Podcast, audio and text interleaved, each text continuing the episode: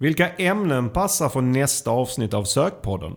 Denna fråga ställde jag till ChatGPT i förra veckan. Fick du något bra svar? Jag är precis som många andra överväldigad över hur bra svar som ChatGPT kan ge. Men just denna fråga gick hen lite bet på. Jag fick ett ganska bra svar på hur man generellt väljer bra ämnen till en podd. Men ämnet till just detta avsnitt av Sökpodden, ja, det får vi hitta själv. Det är tur det kanske. Ja, skönt att vi fortsatt kan bidra med något. Och är du nyfiken på vilka ämnen det blir? Då behöver du inte vänta länge, för nu rullar vi igång ett nytt avsnitt av Sökpodden. Du lyssnar på Sökpodden. En podcast för dig som gillar Google, SEO och SEM. Sökpodden görs av Pineberry.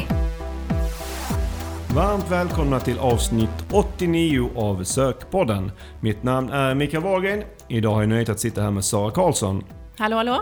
Och Felix Brynje. Tjena tjena. Idag bjuder vi på följande ämnen. Vi ska köra vår elfte SEO-klinik. Vi fortsätter med frågor om Performance Max och så avslutar vi med ChatGPT och digital marknadsföring. Hur är läget med er? Det är bra. Det är väldigt kallt idag bara. Eh, Och mig är också bara bra faktiskt. Mm, och Sara, du har ju varit föräldraledig ett tag. Välkommen tillbaka! När man är mitt uppe i allt med jobb är det kanske svårt att få en känsla om saker och ting inom digital marknadsföring ändras mycket eller knappt ändras alls. Så nu eh, passar jag på att fråga dig Sara, som har ju varit från det dagliga med SEO ett tag. Upplever du att arbetet med SEO ändrats mycket eller lite? Jag trodde först att det skulle vara en hel del som jag har missat när jag kom tillbaka och som jag skulle behöva komma ikapp med. Men det är egentligen inte så mycket som har förändrats tycker jag. Det är en del små grejer men i det stora hela så är det faktiskt väldigt lite som har förändrats. Ja, för det händer kanske eh, lite mindre än man tror. Ja, så är det nog. Mm. Då är det dags för dagens första ämne. Idag ska vi börja med att göra vår elfte SEO-klinik. Kul! Eh, SEO Clinics är alltid populärt. Ja, och det är ett roligt ämne att göra också. Mm, och i en SEO-klinik så analyserar vi ju ett antal sajter från ett SEO-perspektiv och tar upp möjligheter och eh, problem. Och vi väljer oftast ut våra lyssnares sajter, så har vi gjort även denna gång. När vi har frågat efter vem som vill ha sin sajt analyserad här i sökpodden så har det kommit in eh, ganska många förslag. Kul! Verkligen, och eh, vi har valt ut tre stycken av dessa och med en viss förhoppning att det ska vara lite olika typer av sajter. De tre som är med denna gång är Leklyckan, som är en B2B e-handel inom leksaker. Sen har vi Golfbaren som är en nöjesupplevelse med minigolf i fokus. Och så avslutningsvis har vi TM Sängar som är en e-handel för sängar. Och jag vill passa på att tacka till alla som har anmält intresse av att vara med. Och om du inte kom med just denna gång så kanske du kommer med till nästa klinik. Och även om det är elfte gången vi kör så var det faktiskt ett tag sedan vi körde sist. Så vi kanske ska lite kort gå igenom hur vi gör analysen i dessa clinics. Eller vad säger du Sara? Ja, absolut. Och jag vill börja med att säga att det är ju mini-analyser som vi gör. Om vi skulle ha gjort en sökordsanalys eller en on-page-analys och kanske även en länkanalys för en kund så skulle det säkert innebära att vi lägger minst 40 timmar per sajt. Eller ännu mer om det är en komplex sajt. Och så mycket tid har du inte lagt nu. Ja, nej, det har jag inte gjort. Här har vi bara möjlighet att lägga en relativt kort stund per sajt, vilket innebär att vi garanterat inte hittat allt som är intressant, eh, som går att hitta och göra. Men en del i alla fall.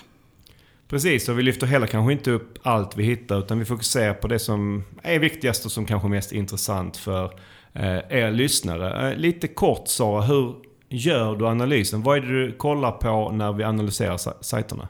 Lite förenklat kan man säga att jag börjar med att gå in i Sistrix för att få en känsla för synlighetstrenden och vilka sökord som sajten rankar på. Sen så sätter jag igång Swimming Frog för att kunna se eh, av över innehåll, strukturen eh, och andra tekniska aspekter på sajten. Eh, och sen tar jag även en sväng i PageSpeed Insights för att kolla prestandan. Och såklart så kikar jag i Ahrefs för att undersöka sajtens länkar. Och sist men inte minst så kollar jag manuellt på sajten eh, för att förstå hur den är uppbyggd och kanske se vad som saknas i form av exempelvis sidtyper. Eh, och jag vill även nämna att fokus är på att hitta saker som går att göra bättre här och inte lyfta saker som eh, redan är bra. Vad bra, tack för det Sara. Och då kör vi igång med eh, första sajten. Och det, först ut är ju leklyckan.se som är inskickad av Nathalie. Tack för det. Och Leklyckan är då som sagt en e-handel. Men det speciella här är att de säljer då bara B2B, alltså till, till andra butiker och e-handlare som i sin tur säljer till eh, slutkonsument. Ja, och det gör det lite komplext. Framförallt när det gäller strategi och vilka sökord som är relevanta. Mm, hur tänker du då kring sökord i det här fallet? Det finns några som är tydliga mot B2B. Eh, som till exempel leksaksgrossist eller leksaksdistributör och leksaksleverantör. Men här är sökvolymen nästan obefintlig. Sen finns det stora sökvolymer kring själva produkterna och varumärkena. Men då blir det en utmaning med själva sökintentionen. Om vi exempelvis tar de 12 000 som googlar på gosedjur varje månad. Nästan alla här är konsumenter och inte B2B. Men är det värt att jobba med dessa konsumentsökord ändå? Ja, kanske. Men det finns en uppenbar risk att man då kastar pengarna i sjön. Och här kan man ju till viss del se det som någon form av strategifråga som går bortom eh, SEO. Och eh, de senaste tio åren upplever jag att fler och fler av de renodlade distributörerna även eh, börjar sälja direkt till slutkund. Det finns såklart andra aspekter än bara SEO i en sån fråga. Exempelvis att man kanske inte vill konkurrera med sina B2B-kunder. Men från ett rent SEO-perspektiv så finns det såklart en potential i de här konsumentsökorden. Ja, det finns en form av mellanväg också här om man, eh, som man kan tänka sig. För idag om man går in på en produkt så finns det inget sätt att köpa den som konsument. Här skulle man ju kunna tänka sig att Leklyckan länkar till de av sina B2B-kunder som säljer just den produkten. Antingen av ren välvilja eller att man har någon form av affiliate deal på den trafiken. Du tänker att på så sätt kan man skapa värde kring konsumentsökorden? Ja, precis. Sen är den svåra frågan såklart om värdet är tillräckligt stort för att det ska vara lönt att satsa på de sökorden. Mm, jag noterade även att de har en outlet som ligger på en annan domän, eh, leklykanoutlet.se, där de säljer utgående sortiment då direkt till konsumenter. Ja, det där är ganska smart. Eh, det kanske är där man ska optimera för konsumentsökorden. Ja, det kan vara ett alternativ.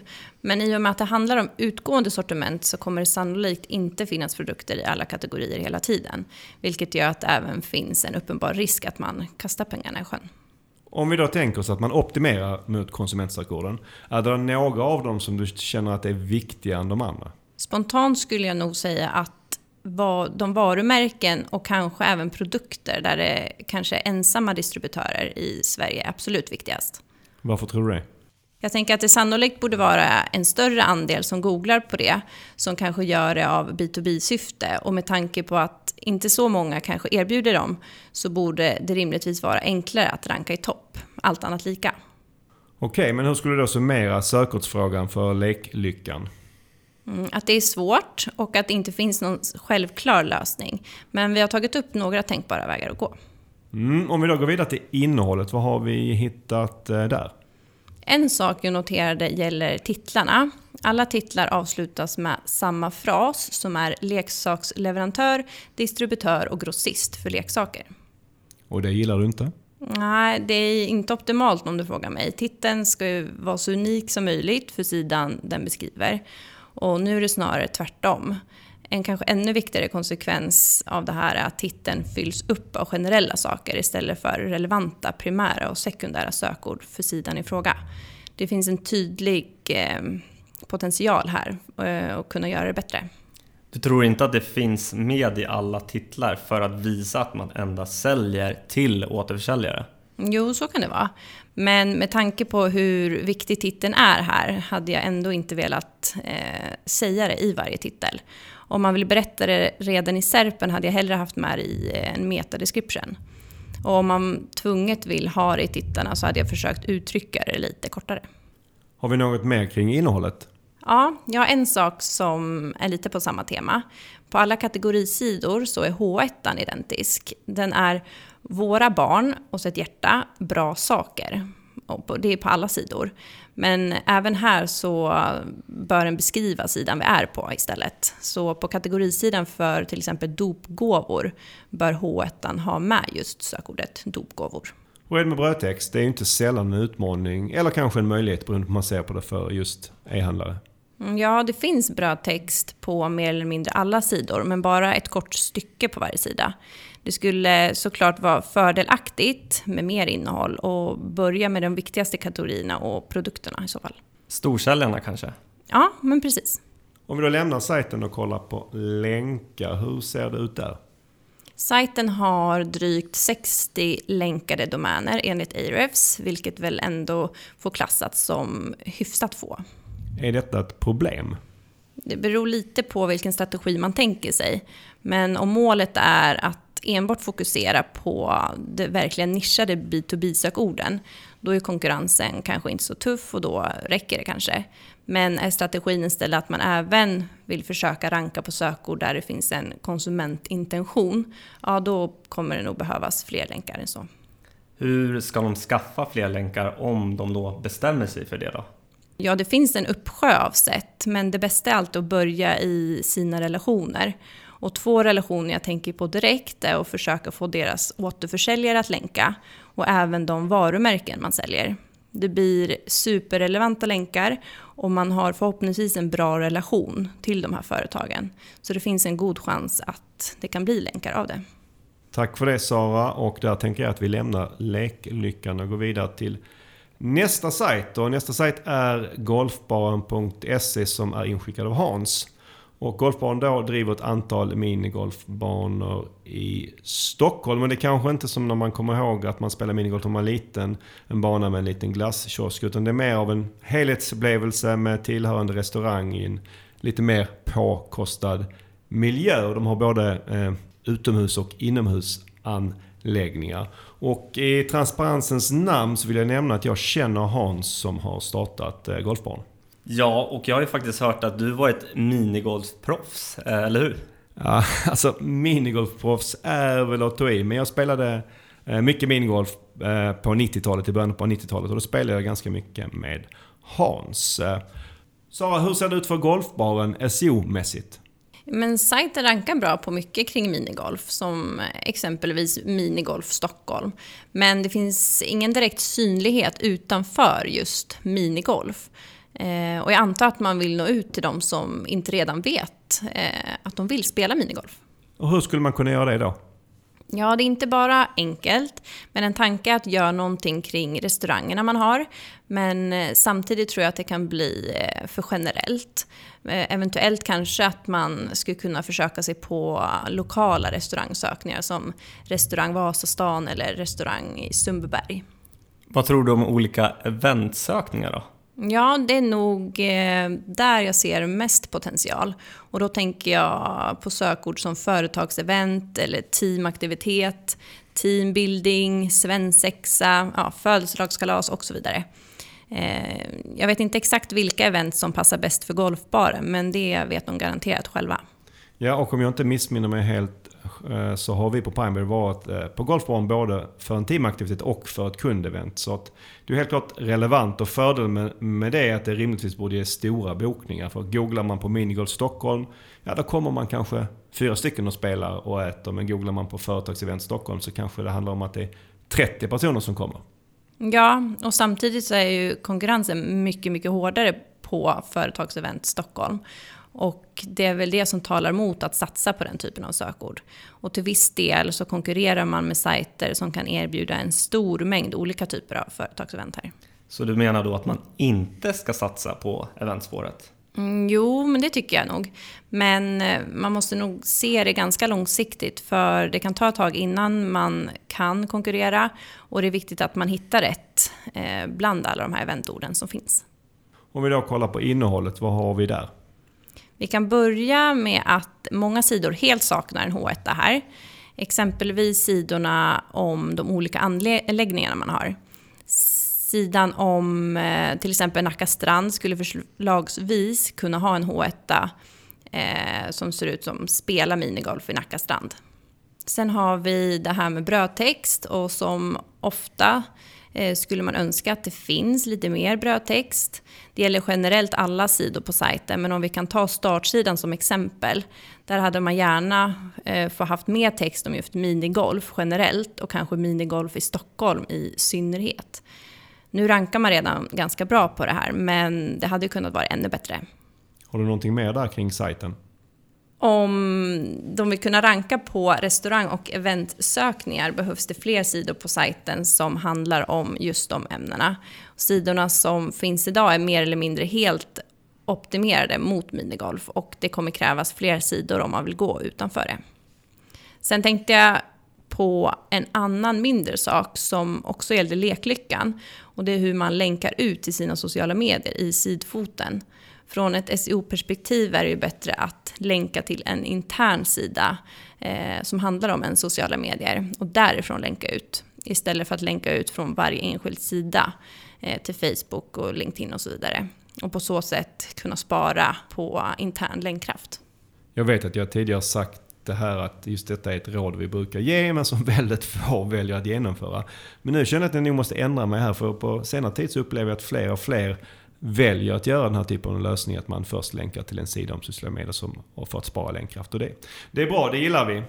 Eh, och på tal om länkar, hur ser det ut med länkar till sajten? Mm, det ser helt okej ut. Det finns drygt 200 länkade domäner här. Vad ser du för möjligheter att hitta fler? En sak jag tänkte på är att när jag kollade igenom listan över vem som länkade till dem så såg jag inga andra minigolfklubbar eller anläggningar som länkar. Och visst har de egna sajter? Ja, det förutsätter jag och det är ju en eh, bra tanke och jag vet ju att Hans har, har kontakter till många av Sveriges eh, minigolfklubbar och det är väl ett ytterligt exempel på hur man kan använda sina relationer för att då eh, skapa länkar. Det gäller bara att hitta en vinkel till varför de ska till, länka till just golfbana men det tror jag ändå borde vara hyfsat enkelt att hitta. Där tänker jag att vi lämnar golfbanor och går vidare till vår sista sajt i dagens klinik. Och det är TM Sängar som är inskickad av Jens. Tack för det Jens. Och domänen här är tm-sangar.se och det är en e-handel som säljer sängar och tillbehör till sängar. Och de har ett, eh, man kan väl säga att det är ett ganska nischat eh, utbud. Eh, hur ser det ut eh, för denna sajten Sara? Jo, men här ser man att Eh, de har jobbat med eh, ett sökordstänk och att de har bra rankingpositioner på många specifika och relevanta sökningar. Som exempelvis tryckavlastande madrass. Jag håller med om det. Det syns tydligt att de har tänkt sökbeteende, vilket ju är väldigt bra. Vad har du hittat när du har kollat på sajten? Vi kan börja med att breadcrumbs saknas. En breadcrumb-navigering tydliggör strukturen på sajten för Google och stärker internlänkningen. Så det är någonting jag tycker att man ska kika på. Sen om vi ska ta upp några tekniska saker så har det nog, ehm, de har lite att jobba med gällande renderingen. De skulle behöva skjuta upp inläsning av JavaScript som inte behövs i ett första skede och på så sätt ehm, ge utrymme för att det viktigaste innehållet då kan läsas in först. Och det här syns tydligt i PageSpeed Insights där de inte får så bra poäng. Och här får man eh, även lite fler ledtrådar på vad man kan åtgärda. Har vi något kring själva innehållet? Nu blir det kanske lite tjatigt, men jag tycker att vissa sidor kan utökas rent textmässigt. För att lyckas än bättre på mer konkurrensutsatta sökord som exempelvis ergonomisk kudde behöver de utöka texten på den kategorisidan för det här. Och just textmängd är ju en potential, en stor potential för nästan alla sajter. Så det är inte så konstigt att vi lyfter det för alla de tre sajterna här i kliniken. Nej, precis. Och en sak till om just kategorisidan för ergonomiska kuddar och då gällande eh, interna länkar. Eh, länken i menyn till sidan heter kuddar. Eh, och vi, vill man optimera eh, den ytterligare så borde den nog istället heta ergonomiska kuddar. Och dessutom länkar man ut från kategorisidan med ankartexten ergonomiska kuddar till en produktsida. Ja, då blir det lite som att säga att den här sidan handlar om ergonomiska kuddar, men det finns en sida där lite längre bort som är ännu mer relevant för det. Ja, precis. Och sannolikt är det just kategorisidan man vill optimera för eh, sökordet ergonomiska kuddar. Och när det gäller innehållet så är det även här tydligt att man har haft ett SEO-tänk. Det man brukar hitta på e-handlare som den här är exempelvis att man inte har alt-taggar på bilder eh, och att det inte finns unika meta-descriptions och så vidare. Men så är det inte här. Mm. Det är bra jobbat. En sak jag tänkte på när jag kollade igenom titlarna på den här sajten var att man inte alltid maxade utrymmet. Ibland gör man det, men inte alltid. Och det är ganska vanligt för e-handlare att då titeln automatiskt sätts till kategorins eller kanske produktens namn och så nöjer man sig där. Men det finns ju ett ganska stort värde att gå igenom titlarna och försöka få med sekundära sökord i de titlar där det finns plats och där det är relevant. Och i vissa fall ser det ut som eh, TM-sängar gjort det.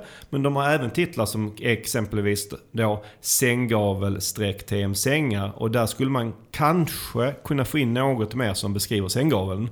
Och som kanske också då skulle kunna vara ett sekundärt sökord för just eh, den sidan. Ja, jättebra poäng. Och hur ser det ut med länkar? Det ser väl helt eh, okej okay ut även här. Det finns drygt 130 länkade domäner. Och det som kanske är utmaningen här är att det är en nischsajt inom sängar. Och i det perspektivet, eh, att det är en nischsajt, så kanske antalet länkar är rimligt. Men samtidigt konkurrerar man i Serpen med större, mer generella sängsajter som har betydligt mer länkkraft. Vad är lösningen på det då? Det kan nog vara svårt att slå de här rent länkmässigt utan eh, man får försöka vara ännu bättre innehållsmässigt inom den nisch man är i och kanske se till att eh, man får länka till de specifika sidor som konkurrerar med större sajter. Så om kategorisidan för ergonomisk kudde är extra viktigt så eh, ser man till att försöka få någon eller några länkar dit det är nog viktigare och mer realistiskt än att försöka klå de här stora sängsajterna eh, på det totala antalet länkar. Mm. Och det låter klokt. Eh, och det var också det sista vi hade i denna SEO-klinik. Återigen, tusen tack till alla ni som har skickat in era sajter. Och om du inte redan skickat in en sajt ännu och vill vara med i en framtida klinik, då mejlar du sokpodden.pimeberry.com. Och eh, med det så går vi vidare till dagens andra ämne. Nu ska vi prata om Performance Max och det är något du och jag också pratade om i vårt webbinar förra veckan Felix, eller hur? Ja, det är en hel del om Performance Max nu. Mm. Och är det någon av er lyssnare som är sugna på kanske ett lite mer grundläggande snack om Performance Max, då föreslår jag att ni rattar in vårt webbinar. För det går ju såklart att se i efterhand. Och det finns på pineberry.com webinar. Och idag tänkte jag att vi skulle svara på 10 stycken ganska specifika frågor om Performance Max. Frågor som jag vet att vissa av er har och framförallt kanske även jag själv. Eh, hur låter det Felix? Men det låter bra. Jag hoppas att jag kan ge bra svar på frågorna. Mm. Och vi börjar med frågan. Ska man köra Performance Max och shopping parallellt? Ja, eh, det beror lite på. Men om du tänker dig att du kör vissa produkter på Performance Max och andra till exempel på standard shopping. Då skulle man kunna göra det. Men dessa produkter bör också vara inom olika produktkategorier i så fall, så de inte ska triggas på samma typ av sökningar. Eh, men för att besvara frågan någonstans så skulle jag inte rekommendera det om tanken är att köra eh, produkterna eh, på båda kampanjerna. Varför inte? Ja, men det finns egentligen flera anledningar. Dels så blir det svårare att analysera datan och ta rätt beslut baserat på hur annonseringen har presterat. Men den största anledningen skulle jag säga är att man vill undvika att sprida ut samma typ av data fast i olika kampanjer. Eh, för desto mer data vi kan aggregera, desto bättre ska algoritmen även kunna prestera. Eh, och det blir lite tvärt om man gör eh, på detta sätt. Ska man däremot köra samma produkter är det bättre att köra rena AB split test mellan Performance Max och standard shopping. Då. Mm. Fråga två. Ska man utesluta brandsökord i PMax? Det är faktiskt en fråga jag fått många gånger. Eh, ett av de problem som många upplever med PMax är att kampanjerna kan bli eh, branddopade. Och med tanke på det kanske det känns naturligt att man utesluter dem, eh, i alla fall i vissa fall. Men inte i alla fall? Nej, för om det är en e-handel, då vill man förmodligen att det ska synas i shoppingannonser när någon googlar på ditt brand. Om det inte gör det, ja, men då är ju risken att dina konkurrenter syns på dina shoppingannonser och då snor Eh, din eh, brandtrafik. Så för en e-handlare är det inte givet skulle jag säga att utesluta brand, utan då får man istället överväga vad som är bäst eh, för just dem. Det är faktiskt lite tråkigt att Performance Max inte fungerar på samma sätt som standard shopping med val av olika prionivåer i inställningarna. I så fall hade det varit mycket enklare att jobba med negativa sökord för att till exempel att endast fånga upp brandsök i en PMAX-kampanj eh, och generiskt i en annan. Men det fungerar inte riktigt när prionivåer eh, saknas. Finns det något knep för att komma runt det här? Ja, det finns ett annat eh, mer komplext sätt eh, där du egentligen rullar standard och eh, PMAX eh, samtidigt. I din PMAX-kampanj använder du dig av negativa brandsökord och i din standardkampanj så jobbar du frekvent med negativa sökord på allt generiskt sök tills du till slut bara får in brandsökningar. Eh, jag har faktiskt själv testat det eh, men jag upplevde att det tog väldigt lång tid och det var svårt liksom att få det 100% eh, vattentät. Jag vet dock att vissa i branschen faktiskt jobbar på detta sätt. Mm. Fråga 3. Funkar Performance Max även för B2B? Eh, ja, ja, men det gör det. Eh, även om mycket i PMAX är byggt eh, utifrån att man faktiskt är en e-handlare. Men i och med att PMAX också funkar som en DSA så kan man absolut även använda det för B2B. Även om fördelarna kanske inte är lika givna som för e-handlare. En sak som jag kan flika in här i och med att jag själv jobbar en del med B2B Ehm, Ehm, så när man gör det så optimerar man oftast mot leads.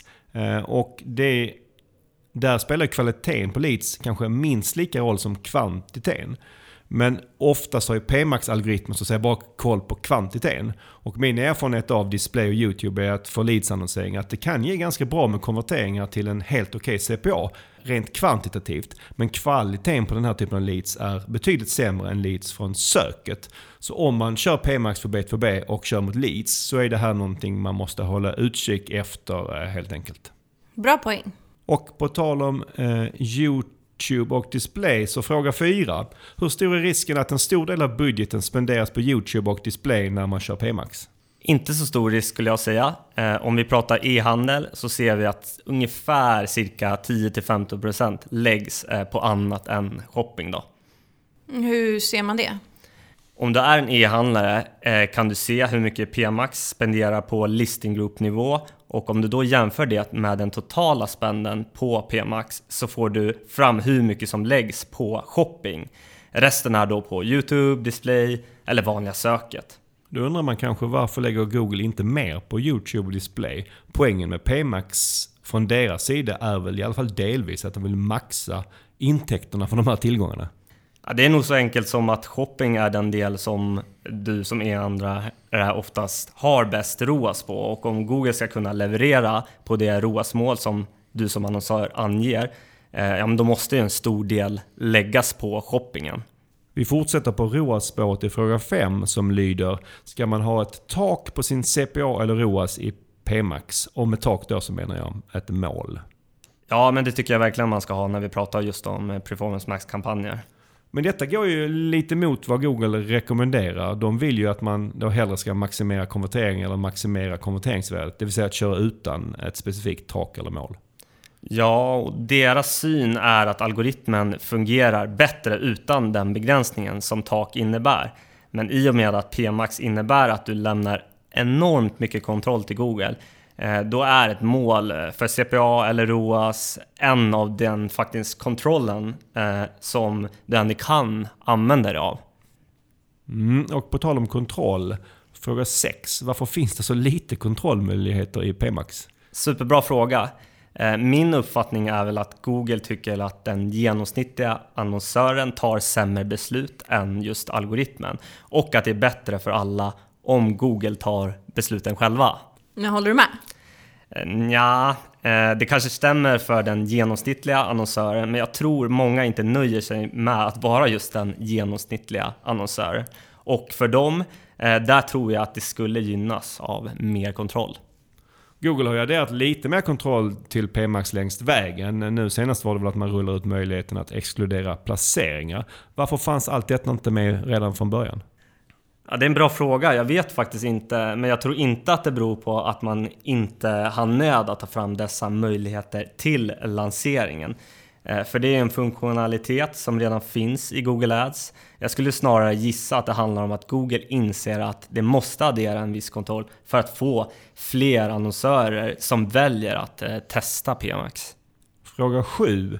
Vilken optimeringsåtgärd är viktigast för eh, Performance Max? Vi var ju precis inne på att kontrollen är begränsad i PMax. Men det finns ju ändå några saker du kan göra för att optimera PMax. Om du då bara får nämna en av dem, vilken skulle du välja då?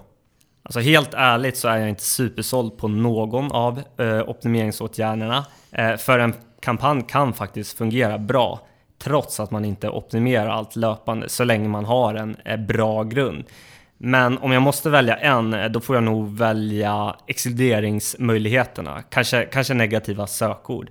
Eh, för en annonsör kanske det är superviktigt att man till exempel inte vill förknippas och synas på vissa typer av sökningar.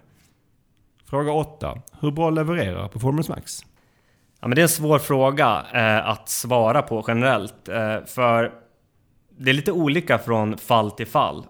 Och det beror också på om man jämför ett case där man hade en väl fungerad smart shopping-kampanj tidigare eller om du jämför ett konto där man nu kör PMax men kanske inte kört shopping alls.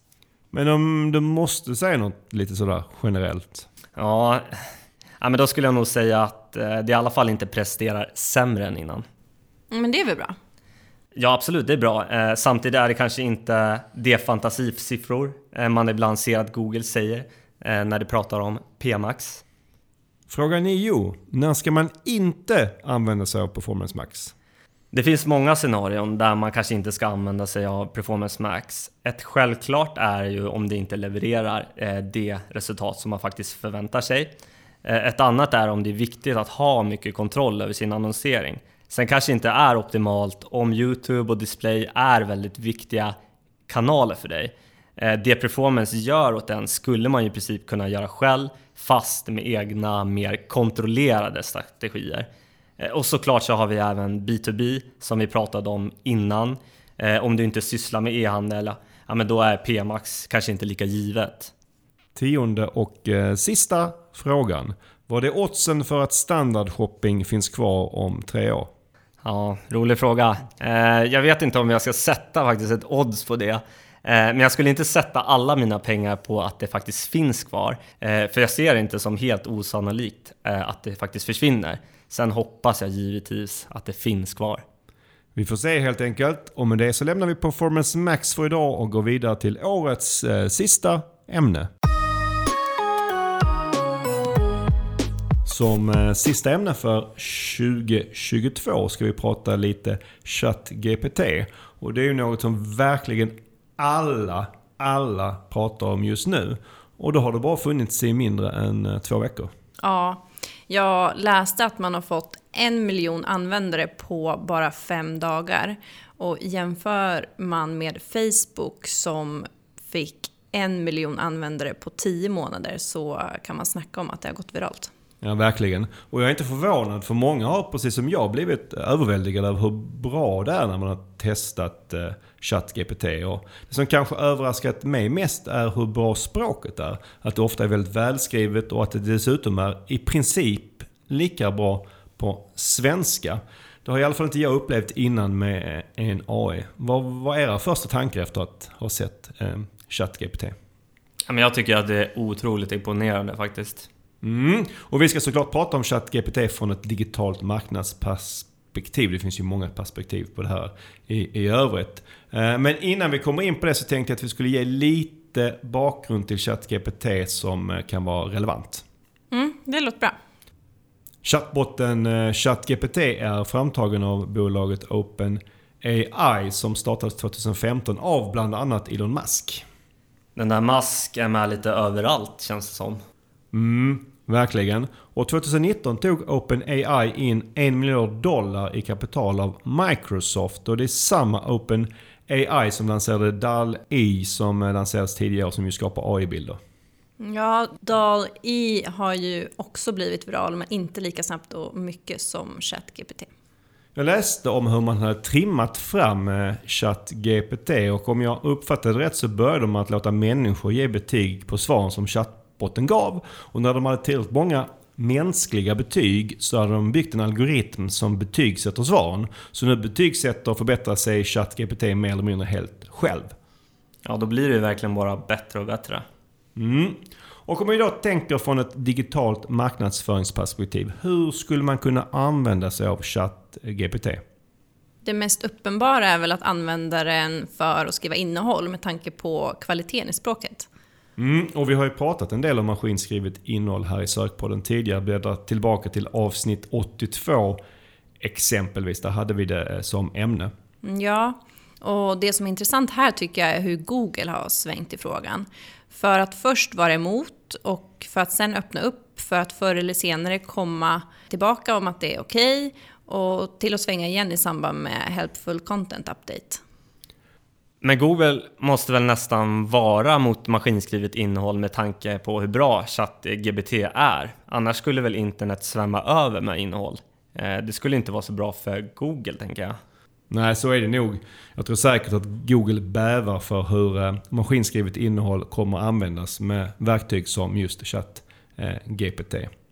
Ja, men hur bra är Google på att upptäcka maskinskrivet innehåll egentligen? Alltså det är en jättebra fråga och jag vet inte riktigt. Eh, men det verkar hittills vara relativt enkelt för en algoritm att upptäcka om innehållet är maskinskrivet. Så jag antar att Google är ganska bra på det. Men jag såg en ganska intressant tweet om det här häromdagen, även om det kanske var lite förenklat. Det var någon som hade bett ChatGPT skriva en eh, text om ost. Och sen testade han den texten i någon av de här olika verktyg som finns för att upptäcka maskinskrivet innehåll. Och den sa då att innehållet till 99,99% var skrivet av en maskin.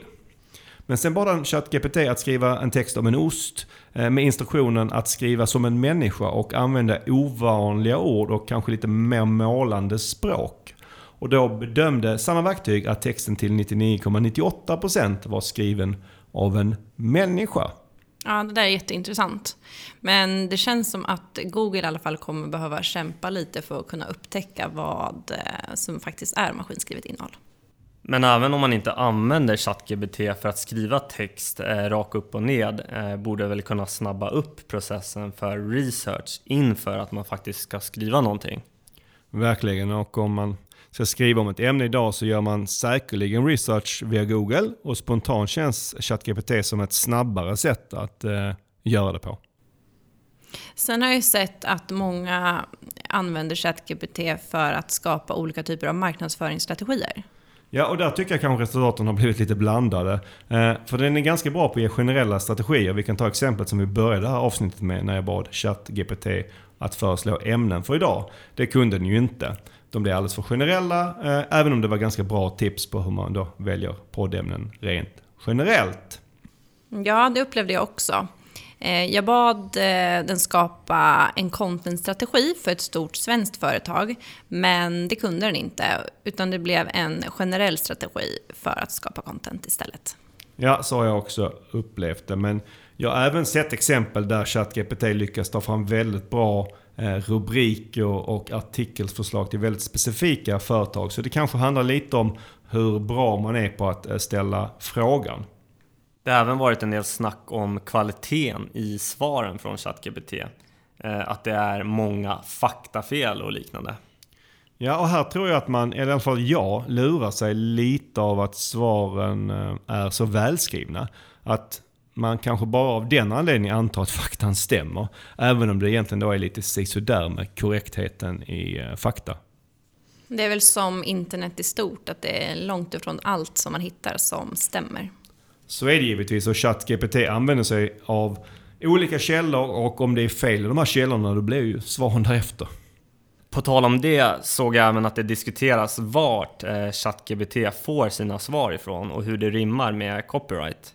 Ja, och det är en ganska intressant eh, eh, fråga. För det är inte så att ChatGPT hittar på sina svar ur tomma intet. Utan den har ju blivit tränad på innehåll från böcker, artiklar och webben och så vidare. Men det finns ju inga källhänvisningar när man använder ChatGPT. Frågan är väl om svaren är tillräckligt unika eller om man skulle kunna stämma ChatGPT för någon form av copyright-intrång. Jag har inte svaret här men det kommer garanterat prövas. Samtidigt är det väl så att vi människor lär oss genom att läsa böcker, artiklar och från webben. Du menar att vi inte hela tiden spottar ur oss källhänvisningar när vi säger saker som vi har lärt oss i något sammanhang? Ja, ja men lite så. Finns det en risk att ChatGPT hämmar tillväxten av bra innehåll? Ja, det känns väl livet. Om man allt för enkelt kan få en bot att skriva ens innehåll, varför ska man då lägga energi på, på det själv? Samtidigt om man ska hitta ett argument mot det så upplever jag att, att mycket av det innehåll som ChatGPT skriver är bättre än genomsnittet som finns kanske på internet. Eh, för det är ju ingen tvekan om att det finns mycket lågkvalitativt innehåll skrivet av eh, människor. Ja, så är det. Och det är väl snarare det högkvalitativa innehållet som eh, det är värt att värna över och som kanske blir än viktigare i en värld med ChatGPT. När jag läst en del av kritiken kring ChatGPT så känns det som att man kritiserat det för att den inte lyckas med relativt svåra saker. Men min spontana tanke är att det kanske är de svåra sakerna som vi människor fortfarande ska göra. Och att det är de enkla sakerna som ett verktyg som ChatGPT gärna får ta över. Verkligen. Eh, det är de där enkla och repetitiva sakerna som verktyg som detta rimligtvis kan göra bättre och snabbare än vi människor. Mm, jag har också läst en del som eh, är lite kritiska. Tror du att det finns en risk att man överskattar möjligheterna med ChatGPT? Det finns ju såklart en risk att man överskattar och övervärderar något som är så här nytt och skinande som ChatGPT. Och, och det är väl alltid en risk att man överskattar effekterna på kort sikt och kanske underskattar dem på lite längre sikt. Men när jag har tänkt på det så har jag försökt sätta det i relation till andra saker som det snackas mycket om. Som man ibland kan fundera på om de verkligen är värda hypen. Och då tänker jag exempelvis på metaverse eller blockchain-tekniken. Och här tycker jag att det känns som man överskattar möjligheten i mycket större grad än ChatGPT. För när det gäller ChatGPT så kan i alla fall jag se vilken skillnad det kan göra. Men eh, vi får väl se helt enkelt var det landar. Tror ni att Google ser ChatGPT som ett hot? Ja, men det borde de göra och förmodligen som gör de säkert det redan idag. Eh, samtidigt har det mångdubbelt eh, fler smarta människor som jobbar med AI. Ja, så är det. Och vi har ju pratat om Google-utmanare flera gånger här i sökpodden. Exempelvis när vi pratar om Jepp, som är ARFs sökmotor. Men detta kanske ändå är första gången som jag känner att det är något som på allvar skulle kunna utmana Google eller till och med utmana sättet vi söker på det handlar ju nog om att det här är något som är lite annorlunda än vad Google är idag. En sak jag tänkte på är egentligen hur viktigt det är för en sökmotor att vara lättillgänglig. Och där har Google verkligen lyckats genom att vara där direkt i mobilen eller i Chrome-webbläsaren. För även om ChatGPT är bra så kommer det garanterat ta emot lite att gå in på deras sajt varje gång man vill få fram något. Absolut. Googles lättillgänglighet är ju en nyckel till dess enorma framgång. För det handlar inte alltid bara om att Google är den bästa eh, sökmotorn. En utmaning för Google är att de tjänar så vansinnigt mycket pengar på sin sökmotor. Och om de skulle bygga om Google till att funka med som ChatGPT så kanske det inte skulle dra in lika mycket pengar. Mm. Och det går säkert att tjäna bra med pengar på ChatGPT men det är ju såklart en enorm risk för Google att ändra hur Google funkar eh, idag. Ja, verkligen. Samtidigt funkar ju Google-assistenten på ett liknande sätt. Ja, det har du ju mm, helt rätt i. Och jag vet när vi alla pratade röstsök för en, ett antal år sedan. Då var ju det här en stor fråga. Hur ska Google tjäna pengar på den här typen av frågor och svar jämfört då med en vanlig googling? Och det svaret har vi kanske inte riktigt fått ännu. Jag läste någon som skrev att varje fråga som skrivs till ChatGPT kostar ett par ören eh, att processa.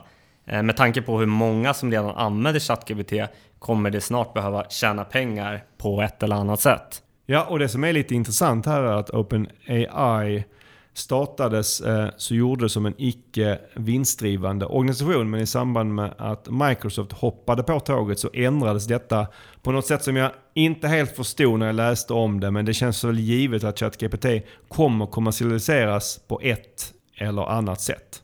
Ja, det kanske slutar med att Bing tar över sökmotorsmarknaden och blir lika dominerande som Google är idag. Eller vad tror ni? Ja, det skulle vara en intressant twist. Och med det tänker jag att det är dags att avsluta vårt snack om ChatGPT och det återstår endast att runda av dagens avsnitt. Jag passade på att fråga ChatGPT följande fråga. Om jag fick önska mig en sak av Google i julklapp, vad skulle det vara? Svaret var att jag skulle önska mig en Google Mobil eller en prenumeration på Google Play Music. Men det är ju inte den typen av eh, saker vi önskar oss av Google, eller hur? Så jag frågar er istället. Om ni fick önska er varsin julklapp av Google, vad skulle det vara? Ja, en bra tidig julklapp hade väl varit att de inte rullar ut någon stor uppdatering just nu innan jul. Så man kan få vara lite ledig. Jag skulle nog säga att jag hade velat haft mer ökad transparens i just eh, Performance Max-kampanjer. Mm. Vi får hoppas att era önskningar slår in. Och har ni tankar eller åsikter om dagens avsnitt, ja då hör ni av er som alltid till sokpodden at pineberry.com. Tusen tack för att du har lyssnat idag och ett extra stort tack till alla er som har lyssnat under hela året. Sköt om dig så hörs vi igen nästa år. God jul! Och gott nytt år!